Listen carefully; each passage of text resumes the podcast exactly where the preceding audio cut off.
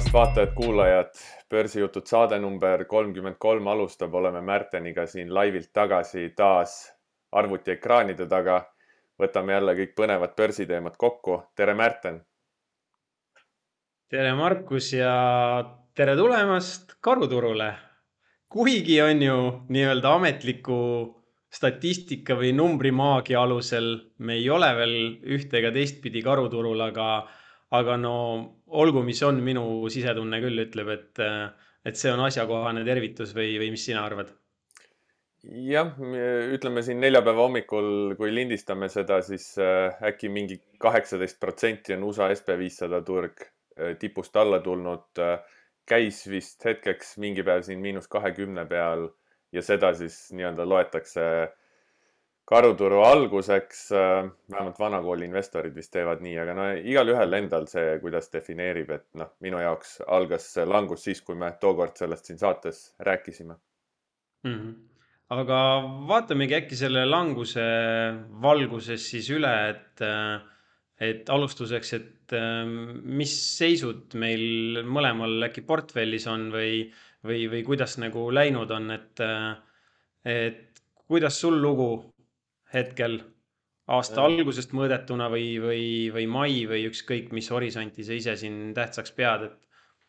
ma kuusiseselt ei vaata, et mul on hetkel siis kokkuvõte aprilli lõpu seisuga ja noh, kord nädalas muidugi võin öelda, mis mul portfellis äh, toimub äh, nädala lõpu seisuga, aga, aga aasta algusest portfell on nii kümme, üksteist protsenti drawdown'is ehk miinuses nüüd äh, dollaris arvestades, et, äh, et ma seda siin hiljuti vaatasin, mis oli minu jaoks nagu huvitav tähelepanek, et mina ju mõõdan kõike dollaris, mu konto on mm. dollari konto, raha kontol on ka dollaris. et kui ma nüüd koduvaluutasse eurosse arvestan, siis justkui polekski, polekski väga drawdown'i, seal võib olla paar protsenti ainult aga noh, ma niimoodi ei hakka manipuleerima oma tulemust paremaks, et minu jaoks on ikkagi see dollar on see põhivaluuta, selles ma mõõdan. ja mis siis, et euroalas mu nii-öelda ostujõud on tänu valuuta kursile tugevnenud või tõusnud, siis, siis hetkel umbes kümneprotsendine miinus, mis, mis on selline ootuspärane ja, ja okei okay.. ma võtan seda nagu portfelli volatiilsusena, mitte siis, et nüüd oleks nagu mingi raha kaotatud ja enam kunagi seda ei näe aga noh, nagu ma siin olen ka varem öelnud, et, et olen jaanuarist saati riski vähemaks võtnud nüüd eelmise nädala seisuga portfellist rääkides olin üheksakümmend protsenti rahas wow.. pikaajalistest trendipositsioonidest ainult Berkshire, mis minu jaoks veel nii-öelda hoidis oma seda trajektoori. siis ma olen short neljas sektoris, mis short'id on nagu Äh, andnud seda tuge siin äh, langusel ja noh, loomulikult ma ei istu lihtsalt rahas, et ma teen endiselt oma lühiajalisi swing'i ja päevasiseseid kauplemisi mm. -hmm. kuidas need, noh, praegu on ikka nagu täielik sihuke siksakitamine, et need äh, päevakauplemise asjad töötavad sinu jaoks siis hästi, et seal sa kuidagi nagu pihta ei ole saanud, sest mulle endale tundub lihtsalt vaadates äh, et kuidagi noh, neid sikke ja sakke on isegi päris keeruline ennustada, ükskõik kas indeksi või üksikaktsiate tasandil, et nad väga järsud ja, ja, ja uh, -huh. ja noh, ei, ei näe seal nagu mingit mustrit, on ju, silmaga vaadates. ja, eks ennustada ongi raske ja sellepärast ma turul ennustada ise ei püüa. et mul on see statistiline päevakauplemise algoritm äh, ja on äh, plussis, päeva, päevakauplemine on plussis, mis ma aasta alguses panin töösse, mitte küll suurelt, aga, aga seni on nagu ennast portfellis tõestanud. Okay.. et äh, äh, jah, ütleme nii, et äh, ma olen saanud ise sellest short'ide positsioonist hästi aru sel aastal, et isegi kui nad pikaajaliselt äh, suurt kasumit ei too portfellis statistiliselt, siis sellistel äh, volatiilsetel aegadel nagu praegu on neist siiski kasu ja noh, eile õhtul just turu sulgumisel vaatasin, et äh, SB viissada oli nelja protsendiga miinuses, aga mu IB põhikonto oli rohelises just tänu short idele mm.. aga noh, seal teine, üks teine konto, kus, kus mul on futuurid, et sinna ma ei julgenud eile veel vaadata, et äh, seal ilmselt see, see nii kena ei olnud, et ma, ma hetkel äh, TradeStationis äh, püüan täiesti ära automatiseerida, siis püüan esimest strateegiat, mis ma saaks täiesti ära automatiseerida, nii et ma isegi ei pea ordereid ise sisestama ja see on siis futuuridega seotud mm,. okei okay. aga, aga kuidas endal siis, ma tegelikult, kui sa oma portfellist juba räägid, siis ma küsiks siia selle esimese küsimuse ka, mida, mida ma ikka mõtlen, et kui ma sult saaks küsida praeguses olukorras, siis kas sa endiselt võimendad ennast, kui palju sa umbes võimendatud oled ja kui siit siis turg edasi kukub, kas sa siis nagu surud seda võimendust juurde või mingi hetk ikkagi võtad seda vähemaks? ja noh, ma ütlen siis ausalt, et mul on esimene kord elus, kus äh, nii-öelda võimendusega languses sõita, et äh, ma seda nii-öelda pikaajalist võimendust võtsin peale siin võib-olla millalgi eelmine aasta, muidu mul oli see võimendus kuidagi episoodiliselt. et eelmine aasta ma läksin nagu selgelt äh, ahneks teatud hetkedel. ja täna on siis nii, et eraisiku portfellis äh, no ma pakun, et see võimendus on võib-olla viie protsendi kandis, tegelikult isegi kogu portfelli osas kindlasti väiksem, äh, sellepärast et IB-s on see võimendus umbes viis protsenti näitab aga LHV-s on ka siis mingi portfell, ütleme, et siis iibe eraisiku portfellis umbes viis protsenti ja ta on alla tulnud läbi selle, et ma mingitele tervishoiu ja, ja esmatarbekaupade aktsiatele panin sinna lihtsalt stopid peale ja, ja kui see ümberpöördumine seal hakkas, et see tõusuhoog sai otsa, siis läksid nad müüki ja vähendasin läbi selle siis automaatselt võimendust, et, et seal on kõik, ma tunnen ise, et kuidagi kontrolli all ettevõtte iibe portfellis on nagu veits sihukene noh, nagu käredam see olukord, et seal punkt üks on neid kasvuaktsiaid, mida võib-olla eelmise aasta seisuga oli kolmandik, tänaseks on see osakaal umbes kahekümne peale kukkunud, on ju. ja võimendust on seal ligikaudu kakskümmend viis protsenti ja, ja seal see noh, taktika on laias laastus seesama, et ma veidi kannan sinna raha peale, see vähendab siis võimendust uute ostudega praegu seal kiirustanud ei ole. pluss samamoodi on mingid stopid peal, mis eile üks läks jälle siin käiku näiteks, mis mm. siis äh, vähendab seda võimendust, et see võimendus oli pealt kolmekümne siin, ma ütleks, äh, aasta esimestel kuudel mm.. Okay. ja, ja tootluse osas ka on ju, kuna mul on seal võimendus ettevõtte iibekontol pluss Äh, omajagu kasvuaktsiaid või tehnoloogiaaktsiaid või kuidas iganes me neid kutsume, siis selle portfelliga ma olen äh, miinus kakskümmend seitse, ma pakun aasta algusest või.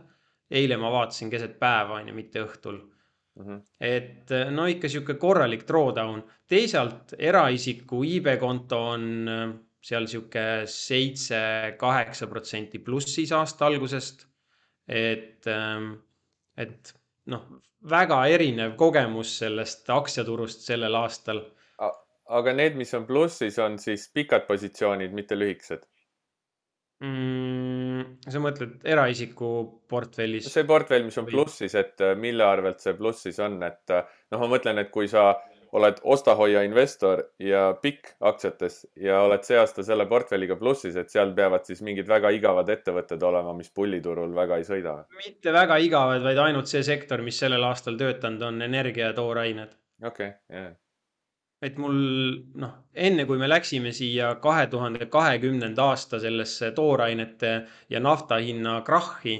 Siis äh, top viies ma pakun, et äh, või top seitsmes oli mul kolm-neli suuremat positsiooni olid energia ja toorained mm. -hmm. Mm -hmm. Need käisid sealt siis on ju august läbi ja eelmine aasta ja see aasta on olnud siis selline nagu kastanite tulest väljatoomine päris õige mitmel asjal all time high'de tegemine. et, äh, et see on siis toonud selle portfelli plusspoole peal. ja noh, tervishoidu on ka, et see on ka päris hästi hoidnud tegelikult seda mhm. portfelli vee peal -hmm.. okei sa lühikeseks ka müüd või väga mitte? Pole praegu üldse aega olnud, ma vaatan nagu, et mingid asjad on nagu nii Obios on ju Amazon, kui ta kukkus sealt kolme tuhandest läbi või, või Google, kui ta nagu keeras otsa alla ja no tundus, et, et see tuhat kaheksasada, kaks tuhat on nagu noh, väga selge sihuke target, aga aga need po positsioonid või noh, need aktsiad on mul siis nagu portfellis endal olemas ja, ja short idega on ikkagi nii, et kuidagi ma tunnen, et neid peab veidi aktiivsemalt jälgima ja nendega tegelema ja, ja täna ma ei ole nagu selles kohas, et mul ei ole väga aega ja ma ei taha seda närvikulu, sest et nagu me alguses rääkisime, on ju, need siksakid on nagu liiga hektilised äh, minu jaoks, et ma, ma ei taha seda stressi nojah, teine asi on see, et ega ütleme, et sa noh, näiteks ma ei tea, toon lihtsalt numbrid, et sa hoiad mingit kümmet Amazoni aktsiat, on ju, ja siis vaatad, et oh, tahaks natuke short ida, short'iksin kaks Amazoni aktsiat, siis tegelikult sa võtad lihtsalt riski vähemaks ja sul on nagu kaheksa, kaheksa Amazoni long, et äh, noh, see on nagu, et kas sa siis short'id või sa tegelikult võtad lihtsalt äh, riski maha ja lähed natuke rahasse, et. Äh, jah et noh, pigem ma vaatasingi, ma vaatasin neid short'e ja mõtlesin, et minu jaoks short'i kandidaat on nagu Apple, et ta siin hakkas äh, ka värisema üle tüki aja, on ju, et väga hästi oli üleval hoidnud, et, et kui ma midagi short'iks peak tekkis, siis Apple'it, aga aga jah, jäi sinna, et ma praegu ei taha nagu selle kauplemishoolega väga. see ongi huvitav, mis ma noh, ise ka jälgin teisi kauplejaid ja päris paljud jälgisid seda Apple'i trendi, sellepärast et Apple oli üsna pikalt veel nii-öelda tõusutrendis pikaajaliselt, kui juba siin Amazon, Google ja, ja Netflix, Facebook ja paljud suured kukkusid. ja noh, Apple on ju, oli siis vähemalt veel kahe poole triljoni dollarine ettevõtte indeksi number üks. et väga paljud vaatasidki, et noh, et kui Apple'il see põrand alt kaob, siis see võib äh, suurelt ka indeksit mõjutada, seda enam, kui seal veel teised suured Microsoft ja nii edasi, noh, langust jätkavad mm. -hmm, täpselt. aga jah, selle short'i koha pealt, mis ma tahan öelda, et ega ma olen ise ju vaat varem seda öelnud ka ja testinud, et ega pikaajaliselt äh, short'id mul ei teeni portfellis äh, väga suurt kasumit, aga just praegustel aegadel ta kuidagi nagu pehmendab neid kukkumisi ja, ja teine asi, mis ma ise siin vahepeal nagu jälle jälle nii-öelda sai meelde tuletatud, äh, kuidas on vaja enda plaanist kinni hoida, et ma siin paar, kolm nädalat tagasi läksin ühes äh, REIT-is kinnisvaraettevõttes short üksikaktsias. Ja, ja peale short'i positsiooni avamist mitu päeva hind hakkas ronima, ronima, natuke oli veel stopist puudu, onju. Ja siis kahe päevaga, üks päev kukkus kõmm, teine päev kukkus, kahe päevaga kukkus üle seitsme protsendi minu äh, kasumisihti võtsin kasumi mm. sealt välja, hiljem vaatasin, jätkas kukkumist, aga lihtsalt äh, sellised hetked tuletavad meelde, miks on vaja short'e ja miks on vaja plaanist kinni hoida või nagu ma olen sektorites short, siis mingi päev, kui need rallid on ja, ja turg on kaks-kolm protsenti plussis, siis mõt-, vaatad kontot ja mõtled, et miks ma, miks mul need short'id üldse yeah. on, onju. ja siis järgmine päev kukub neli protsenti, siis on mingi ja, ja, ja, ja sellepärast need short'id ongi mm. -hmm et see on niisugune hea meeldetuletus vahepeal. aga noh, vaata nagu üks põhjus ka, et miks äh,, miks ma ütlen, et ma seda närvilisust täna või seda lisapinget ei taha endale ja oma portfelli, on see, et, et no võtame näiteks eilse ja üleeilse päeva, et, et mõnel päeval on mul tunne, kui ma USA börsi vaatan, et nagu mitte midagi ei tööta. et nagu pikas plaanis sellel aastal toorained ja energiasektor on väga hästi toot-, töötanud aga vahest on mingid päevad, kus mitte midagi ei tööta ja eile ja üleeile üks suurepärane näide. no eile Target on ju nagu mingi kõige, peaaegu kõige igavam poekett üldse on ju, ütleme, et Walmart on veel igavam. aga eile Target kukkus mingi miinus kakskümmend viis protsenti tulemuste peale. Walmart enne seda kokku vist nagu päevaga miinus kümme, siis sealt veel teine, teist sama palju otsa on ju mingi miinus seitseteist, miinus kaheksateist protsenti kahe päevaga. Et, et sellised igavad noh, täiesti igavad mingid blue chip aktsiad, turvalised ka, mis peaksid tegelikult hästi hoidma sellises noh, sõltub, on ju, missuguses tsüklifaasis me nüüd siis parasjagu oleme. aga tavaliselt need esmatarbekaupade asjad nagu ja jaesektor hoiab ju suhteliselt hästi. ja noh, siuksed prohmakad, et, et ei, ei, ei taha kuidagi praegu jah, Walmart oli mul ühes swingitehingus enne tulemuste avaldamist, võtsin riski maha, sest lühiajalisi swing'e ma ei hoia läbi earnings'i just selliste hüpete pärast, et äh, see oli selline teine meeldetuletus, et miks seda mitte teha, et äh, sul võib seal olla stopp mõne protsendi peal, aga kui cap down on, ma ei tea, kümme, kakskümmend protsenti avanemisel, siis sellest stopist ei ole nagu väga tolku. täpselt nii okei okay,, kuule, aga ma tegelikult jagaks ühte pilti, mis on äh, selle äh, teemaga suht seotud mm. -hmm. ma näitan nüüd kahte pilti, kõigepealt siin äh, ekraanil on siis pilt, seletan ka podcast'i kuulajatele selle lahti, kus on siis kaks kõverat viiekümne aasta ajateljel aastast seitsekümmend kuni kaks tuhat kakskümmend kaks ja sa näed siin see sinine joon Äh, mis on siis äh, viiekümne aastaga tuhandest dollarist teinud üks koma üks miljonit ja all on punane joon SB viiesaja indeks, mis on siis viiekümne aastaga teinud tuhandest dollarist kakssada seitsekümmend üks tuhat dollarit. ja, ja miks ma seda näitan, et, et see sinine joon on siis üks hedge fund, ühe hedge fund'i viiekümne aasta track record, kes on siis SB viitesadat piitinud, tootlust ületanud väga pika aja peale üsna stabiilselt, nagu siin sellel graafikul näha. ja, ja kui nüüd seda graafikut vaadata, siis noh, ma usun, sa oled minuga nõus, et tegelikult tahaks seda sinist graafikut oma portfelli jaoks küll, et võiks viiskümmend aastat oma varasid niimoodi kasvatada. kusjuures minu silm kohe esimesena tabas seda, et, et see on ilus, aga ma ei usu, et mina ega keskmine investor suudab seda hoida. vaata neid drawdown'e, vaata neid äh, perioode, vaata näiteks kaks tuhat kuni kaks tuhat kaheksa või kaks tuhat seitse, mis tegi sinine joon ja mis tegi SB viiesaja indeks. et äh, kuus-seitse aastat äh, taluda portfellis langust, kui turg on pulliturus ehk tõusufaasis. no ma ei tea, kas sa suudad seda raha seal sees hoida. et pikka pilti vaadates tõesti väga hea tulemus, aga millised keerulised äh, drawdown'id ja, ja, ja turule vastupidised langusfaasid. ja pean ütlema, sul on äh, täiesti õigus äh,, jagan nüüd seda teist pilti, kus on siis detailselt see näidatud ja, ja trendfollowing.com saidilt siis võtsin selle info, kus on siis äh, Dun äh, Capital Hedge Fondi viiekümne aasta track record ja, ja nagu sa ütlesid, siis tegelikult miks ma seda tahtsingi näidata, et kui suured on siin drawdown'id selleks, et seda mm. turuülest tootlust äh, äh, teenida. et siin on siis selle viiekümne aasta peal keskmine suurem drawdown on kolmkümmend kuus protsenti miinust. aga näed, siin kõige suurem on siin kaks tuhat kaheksa, üheksa miinus kuuskümmend kolm protsenti ja tegelikult yeah. nagu sa ka ütlesid, et ta äh, kohati liigub koguturuga vastassuunas, siis see Dun Capital on on siis trend following CTA, kes siis äh, kaupleb kõike, valuutad, toormed, aktsiad, äh, fixed income, võlakirjad, mis iganes, et, et see on nagu selline suur hajutatud portfell, äh, mis siis lihtsalt kaupleb trende kõikidel turgudel, on ju, mhm. mis siis noh, nii-öelda pakutakse mm, exchange ides ja, ja, ja siin ongi vaata see. kasvõi, vaata kasvõi viimast seitset aastat ka on ju, et mis tegi SB viissada, mis ja. on teinud äh, see portfell, et noh, ikka maru keeruline hoida sellist ja, asja. ja ongi, aga siin on siis see, et, et compound annual rate of return on siis TAN-il on äh, viiekümne aasta keskmine kuusteist protsenti, SB viissada kaksteist pool protsenti. et äh, et, et see, see, selle mõte, miks ma ise seda vaatan, ma ütlen ausalt, et minu jaoks ei ole väga ahvatlev, et äh, ma, noh, mina olen ise oma aktsiaportfelli üles ehitanud selle mõttega, et minu see tootlusootus on kuni kakskümmend protsenti aastas, siis keskmine väga pika aja peale mm. -hmm. ja, ja olen siis valmis taluma selliseid kahekümne, kahekümne viie protsendi drawdown'e, aga noh, kuna tulevik on alati äh, Äh, nii-öelda originaalne, unikaalne, me ei tea, mis tulevikus juhtuma hakkab, siis ma pean arvestama ka sellega, et see drawdown võib minna ka kolmekümne protsendi peale või rohkem, on ju, selleks, et sellist äh, kõrgemat tootlust teenida.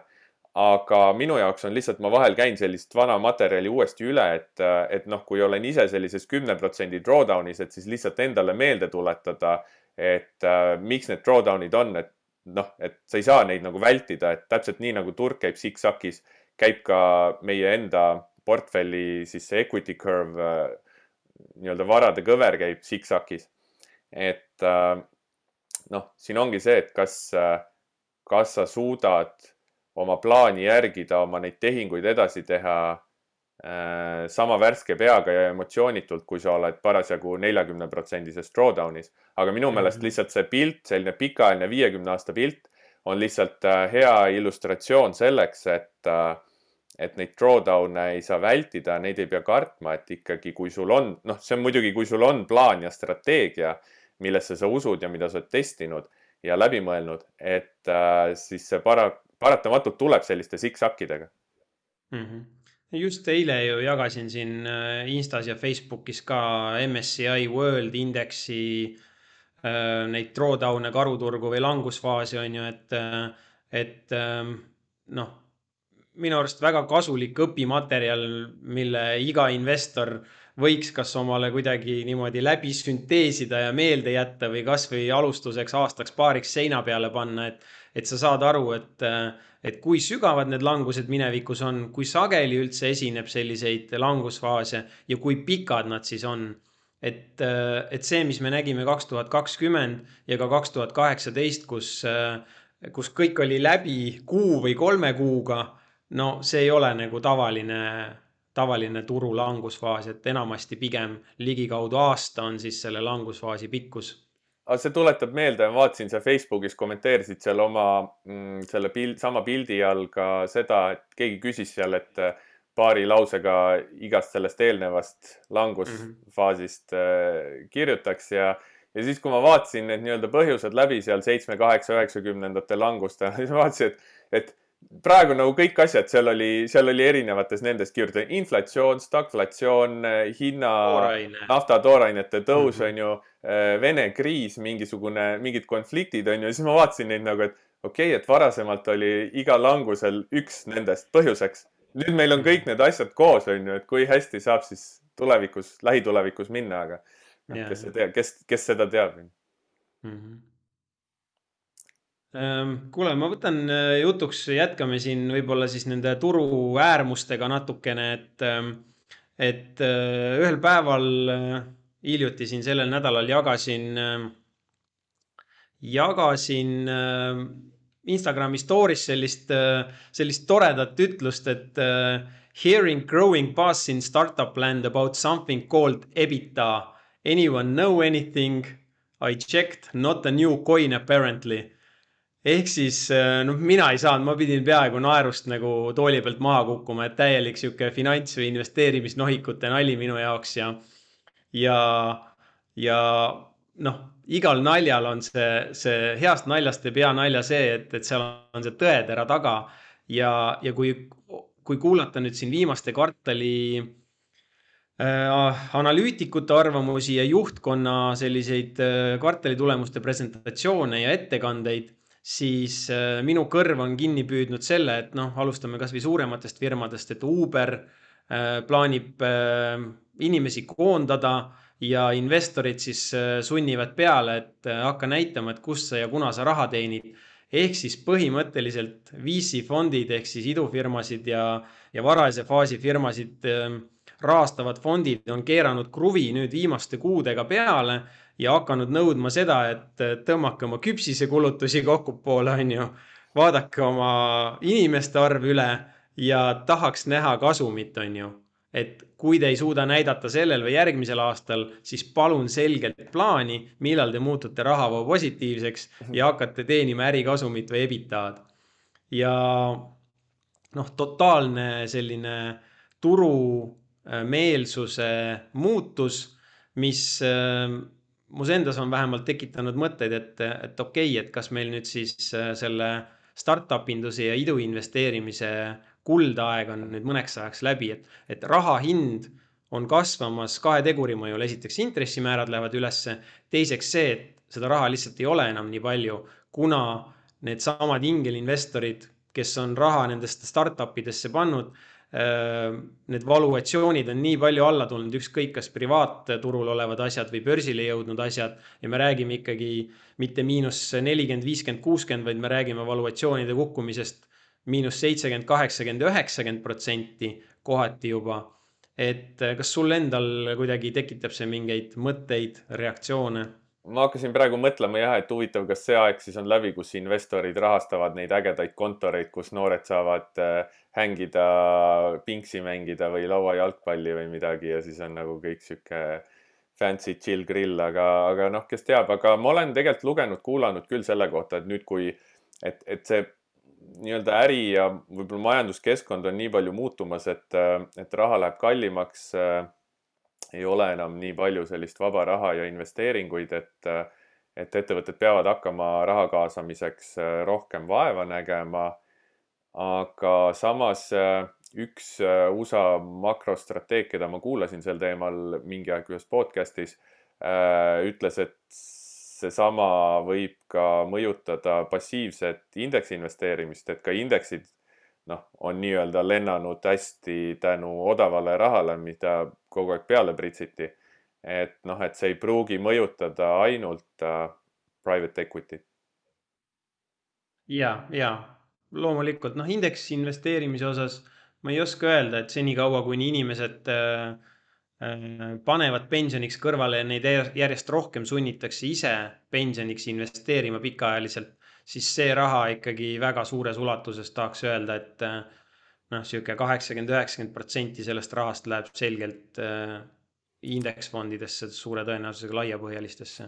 jah, okei okay., aga üks mõte veel, et vaata, meil on nüüd olnud siin igasuguseid turge viimastel aastatel, mis on nii-öelda buuminud ja siis natuke pastinud, et, et olgu see siis äh, meie siin idu, idubörs, äh, Balti Tallinna börs, krüptorahad, aktsiad, asjad.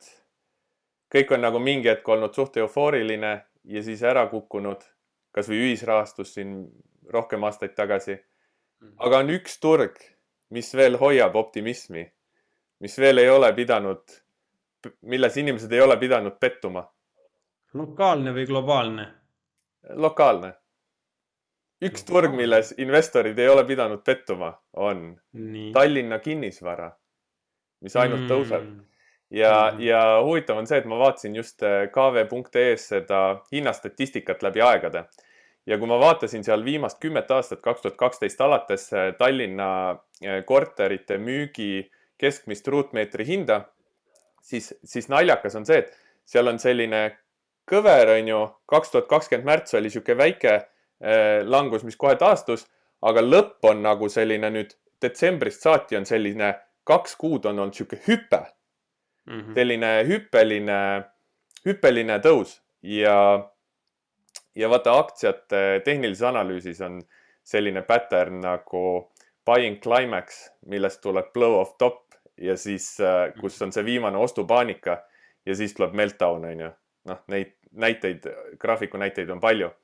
ja siis ma nagu naljaga vaatasin, just kellegagi rääkisin sellest, naljaga vaatasin, et näe, vaata, siin on see buying climax, et lihtsalt ostupaanika on, et, et hind on juba hakanud nagu hüppeid tegema, mitte lihtsalt enam ei tõuse.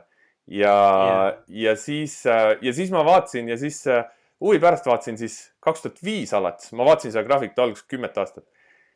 ja siis mul oli niisugune külmavärin käis läbi, vaatasin kaks tuhat viis, kuus oli sama hüpe.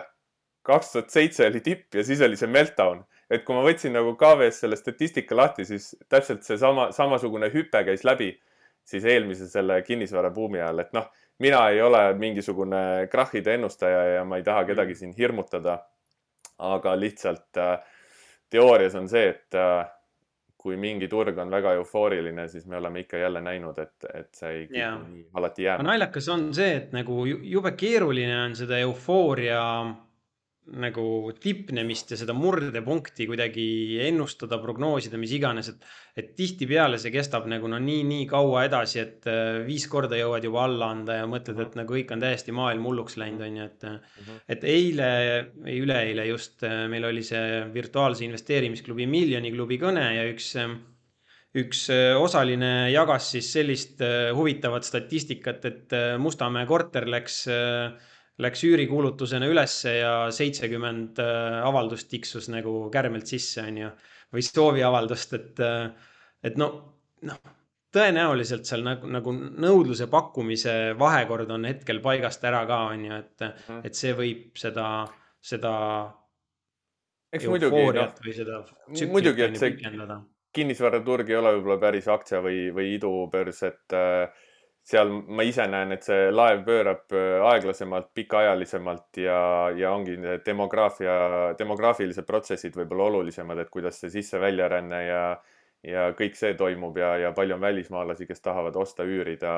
et äh, noh, ma arvan, see, noh, see ei ole nagu minu valdkond, vaata, et äh, ma lihtsalt tõin yeah. selle tehnilise aspekti välja ja sellise teoreetilise, et, et iga turg nagu tõuseb ja langeb, et, et lihtsalt minu meelest on äh, päris pikk, päris pikk optimism on tekitanud sellise tunde, et, et äkki mõni turg ainult jääbki tõusma.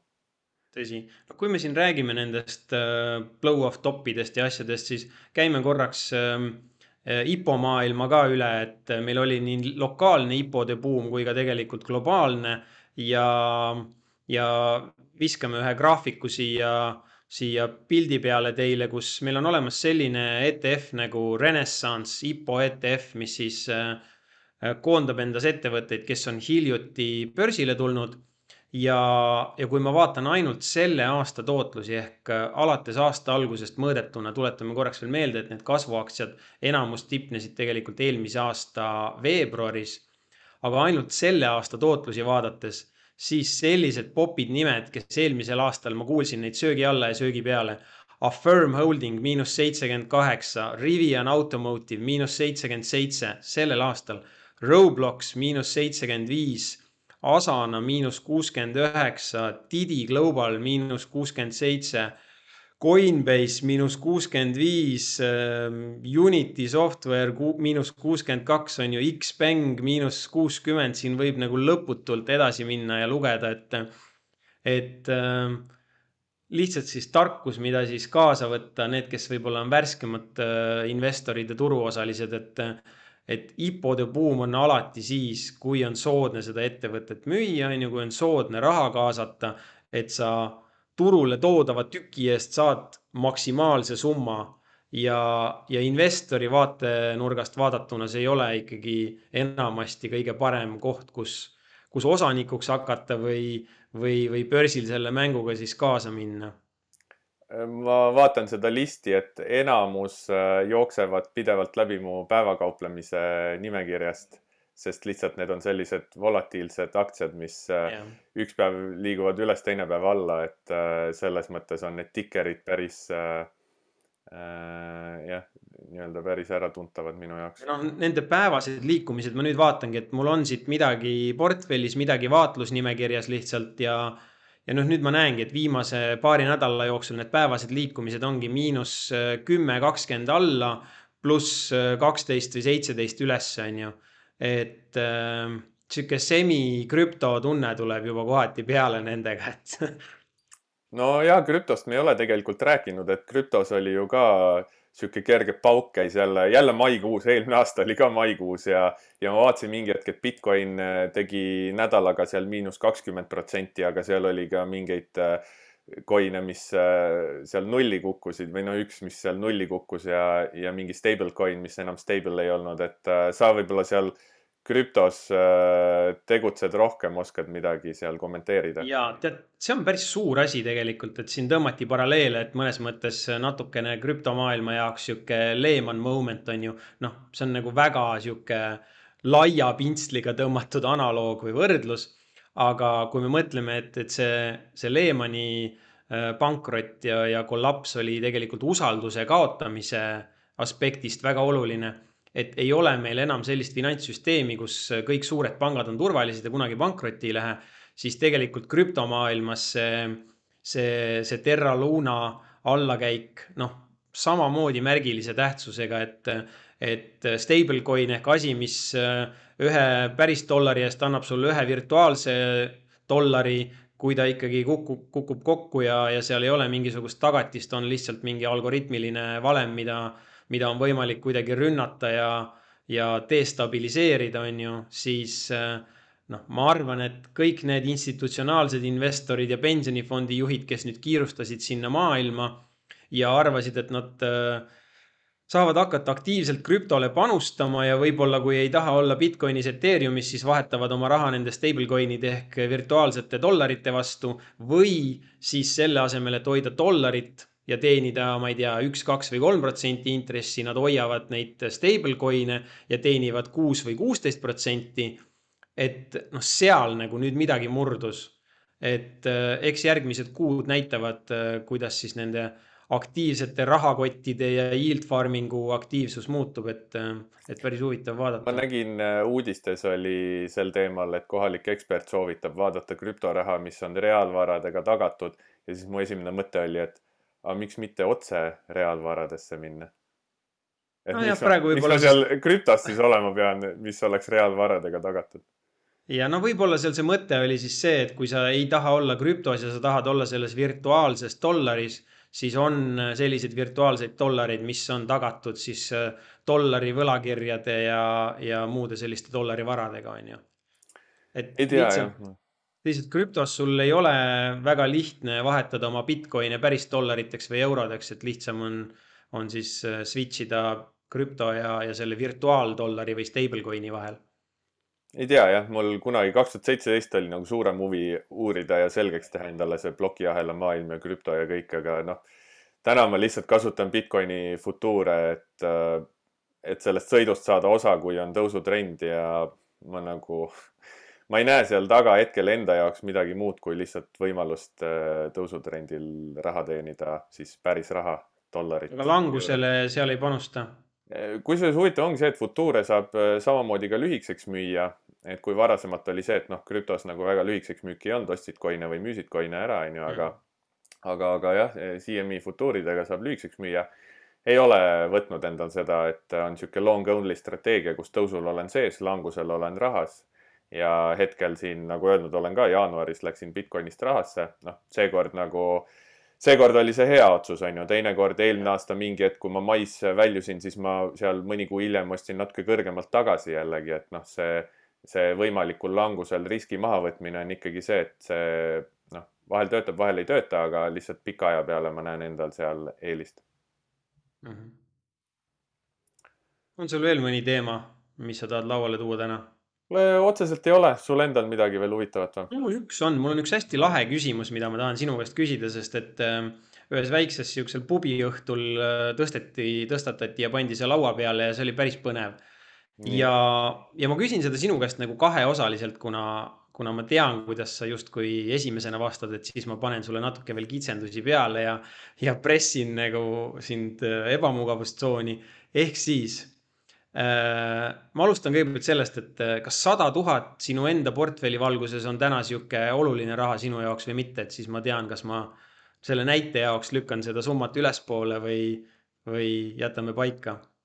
sada tuhat on minu jaoks äh, korralik summa, et me võime sellise ümmarguse ette küll. nii, väga hea. ütleme, et mis iganes müstilisel moel sulle tekib sada tuhat täiendavat vaba raha, mille sa saaksid oma portfelli lisada -hmm. ja, ja tingimus on siis see, et sa pead selle raha ära paigutama ühe kuu jooksul. kuhu sa paigutaks, mida sa teeks, go? ühe kuu jooksul äh, paneksin oma strateeg-, strateegiatesse juurde, et äh, paneksin ta portfelli, äh, olemasolevaid positsioone ei suurendaks, aga siis kõik uued signaalid, võib-olla pikaajalisi trende, hetkel lihtsalt mul ei ole pikaajalisi trende lahti, aga kui oleks pikaajalisi trende lahti, mul oleks tõusval turul siis ma võib-olla paneks osaliselt igale positsioonile natuke juurde. aga hetkel ma paneks seda portfelli ja lihtsalt uusi signaale avades, uusi positsioone avades võtaks arvesse seda siis selle võrra suuremat kapitali ja arvutaks oma riskiprotsendi sellest uuest summast mm. -hmm sa võid arvata, et ma ei imesta, on ju, et sa, sa nii vastasid. mida muud nüüd... ma sellega teen, viskan indeksisse ja vaatan, kuidas see väärtus väheneb. nüüd tulebki see kitsendus sa ei või seda panna oma kauplemisportfelli, sa pead selle tõstma eraldi mingisugusele kontole ja, ja investeerima selle. ja nüüd ma olen üks suur kõrv. kui ma peaks selle. Buy and hold all the way mm. -hmm. Buy and hold all the way ja, ja trendipöörates ei või ka äh, väljuda? ei hakka üldse, ei hakka üldse mingi äh. vingerdama, et no põhimõtteliselt ütleme, et võib-olla buy and hold mitte nagu igavesti, aga ütleme järgmiseks äh, viisteist okay. kuni kakskümmend viis aastat näiteks sihuke horisont. ütleme, jah, siis ma ei, siis ma ei ostaks neid varasid, mis hetkel on äh, pikalt tõusu teinud ja noh, suure tõenäosusega veel mingi hetke tõusevad, aga kuna ma ei saa nagu selle trendi äh, haldust teha, et ma pöördel väljun, siis ma pigem neid ei tahaks. ma arvan, et ma vaataks äkki mingeid äh, arenevate turgude mingeid varasid, kas siis ettevõtteid või toormeid või midagi, mis on ebapopulaarne äkki, siis ma äkki mm. noh, läheks nagu selle viie aasta mean reversion'i peale, et vaataks, mis siis äh, need viimased viis-kümme aastat, mis USA tõusu kõrval on nii-öelda ebapopulaarseks muutunud võib-olla vaataks siis jah, neid arenevaid turge, et kui USA-s see optimism vaibub ja raha otsib uut kohta, et siis äh, noh, viie kuni kümne aasta perspektiivis usuks seda, et see raha otsib siis seda, mis on nagu alahinnatud ja ebapopulaarne mm. -hmm. kas see vastus Väga meeldis või? ja see vastus meeldis juba, no investori vaatepunktist seda on ju palju huvitavam kuulata ja, aga noh, ma hea meelega ei teeks seda, et ma jah, ma olen selle peale mõelnud, et selles mõttes, kui ma investeerima peaks praegu, siis ma võib-olla ka mingil määral ettevõtteid valides mõtleks selli, selliselt Peter Lynchilikult, et mis ettevõtted mulle toote-teenuse poolest meeldivad või mida ma ise kasutan ja, ja näen nii-öelda mm. potentsiaali tõusul. aga noh, see on ikkagi päris subjektiivne, vaat see, et mulle mingi ettevõte meeldib, et kas see tähendab seda, et see minu vara kasvatab tulevikus, selles ja. ma ei ole päris kindel. Noh, seal järgmine samm on see see sõnapaar, mida sa nüüd või sõna, mida sa üldse kuulda ei taha ja sa näitaks mulle seda mingit asja siin praegu, et tagane saatan on ju, et selle asja nimi on fundamentaalanalüüs ei, ei, ei, ei, ei ikka. Tõusul sees ja langusel väljas, aga kui nüüd selle küsimus sulle visata, siis äh, seal vist nagu, no vasta ise siis, näeme tead, ma tollel hetkel seal pubilaua taga mõtlesin välja hullult hea nagu lahenduse ja siis, kui ma hakkasin seda kõva häälega teistega jagama, siis ma mõtlesin, et tegelikult see on mingi üleoptimeerimine, et, et mul justkui tekkis nagu mingid neli segmenti, kuhu ma tahaks panna. ja siis ma mõtlesin, kui igasse jääb ainult kakskümmend viis kilo alles on ju, et siis ma jälle allokeerin ennast herneks enam-vähem. et aga, aga laias laastus äh, ma ei tea neid proportsioone, aga ma ütlen võib-olla seda loogikat, et äh, osaga rahast ma tahaks osta midagi, mis on täna samamoodi nagu ebapopulaarne ja pihta saanud, ehk siis see, see tavaline dividendiinvestori äh, lähenemine, et lukustada endale häid neid dividendimäärasid ja, ja valida neid äh, tublisid dividendimakseid välja. teise osaga rahast tahaks osta asju, mis, mis näitavad tugevust, ennekõike siis vaatakski sinna energia ja toormete sektori poole ja, ja siis ähm, noh, on üks killuke, mil, millest ma vahest mõtlen lihtsalt, et kogu mu mainevara on kusagil elektrooniliselt ja et kas peaks olema midagi rohkem sellist äh, käega katsutavamat. ehk siis äh, noh, ma täna mingi osaga rahast kiikaks sinna nagu metsa, metsamaa poole ise paljuski ka lihtsalt emotsionaalsel põhjusel, et oleks oma kuusikus äh, seenel käia kasvõi onju. okei okay,, no väga hea. mulle see virtuaalne ja digitaalne on nagu alati meeldinud ja ma olen läinud nagu teadlikult seda teed, et mul on kõik äh, varad virtuaalsed ja et kui internet või elekter peaks ära kaduma, siis, siis lihtsalt olengi hipi, elan rannas ja käin ujun ja püüan kala vist, et äh, ma ei tea, siis vaatab edasi, siis alustab uuesti. jah, aga no tegelikult vaata, miks ma seda küsimust sinu käest ka küsisin, et, et pealtnäha ta on selline võib-olla tore küsimus, kes vaatab seda kui võimalust unistada, kes kui meelelahutust, aga tegelikult ta korraks nagu võtab sul kõik plokid maha ja, ja tõstab su võib-olla siis noh, testib sinu veendumusi, et mida sa päriselt usud, on ju, et kuhu sa selle raha täna järgmise kuu aja jooksul päriselt paneksid, kui sul ei oleks neid äh, mingisuguseid äh, piire, on ju, kasvõi see, et igakuisest palgast midagi panen kõrvale.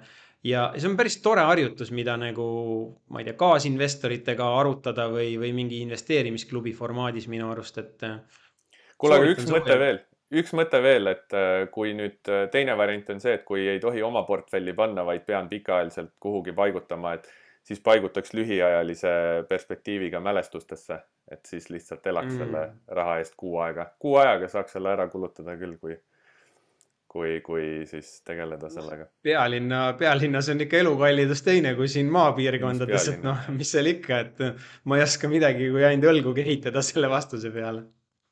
no vot. aga okei okay,, kuule, päris pikali juba läinud, tõmbame siis joone alla. igatahes ja no vähemalt oli vaatamata siis punastele numbritele börsil oli lõbus saade ja loodan, et teil ka vaatajad natukene naeratust näole ja, ja turud on tsüklilised ja, ja tuleb nendest tsüklitest läbi käia ja kindlaks jääda oma strateegiale, lähenemisele ja, ja nii on.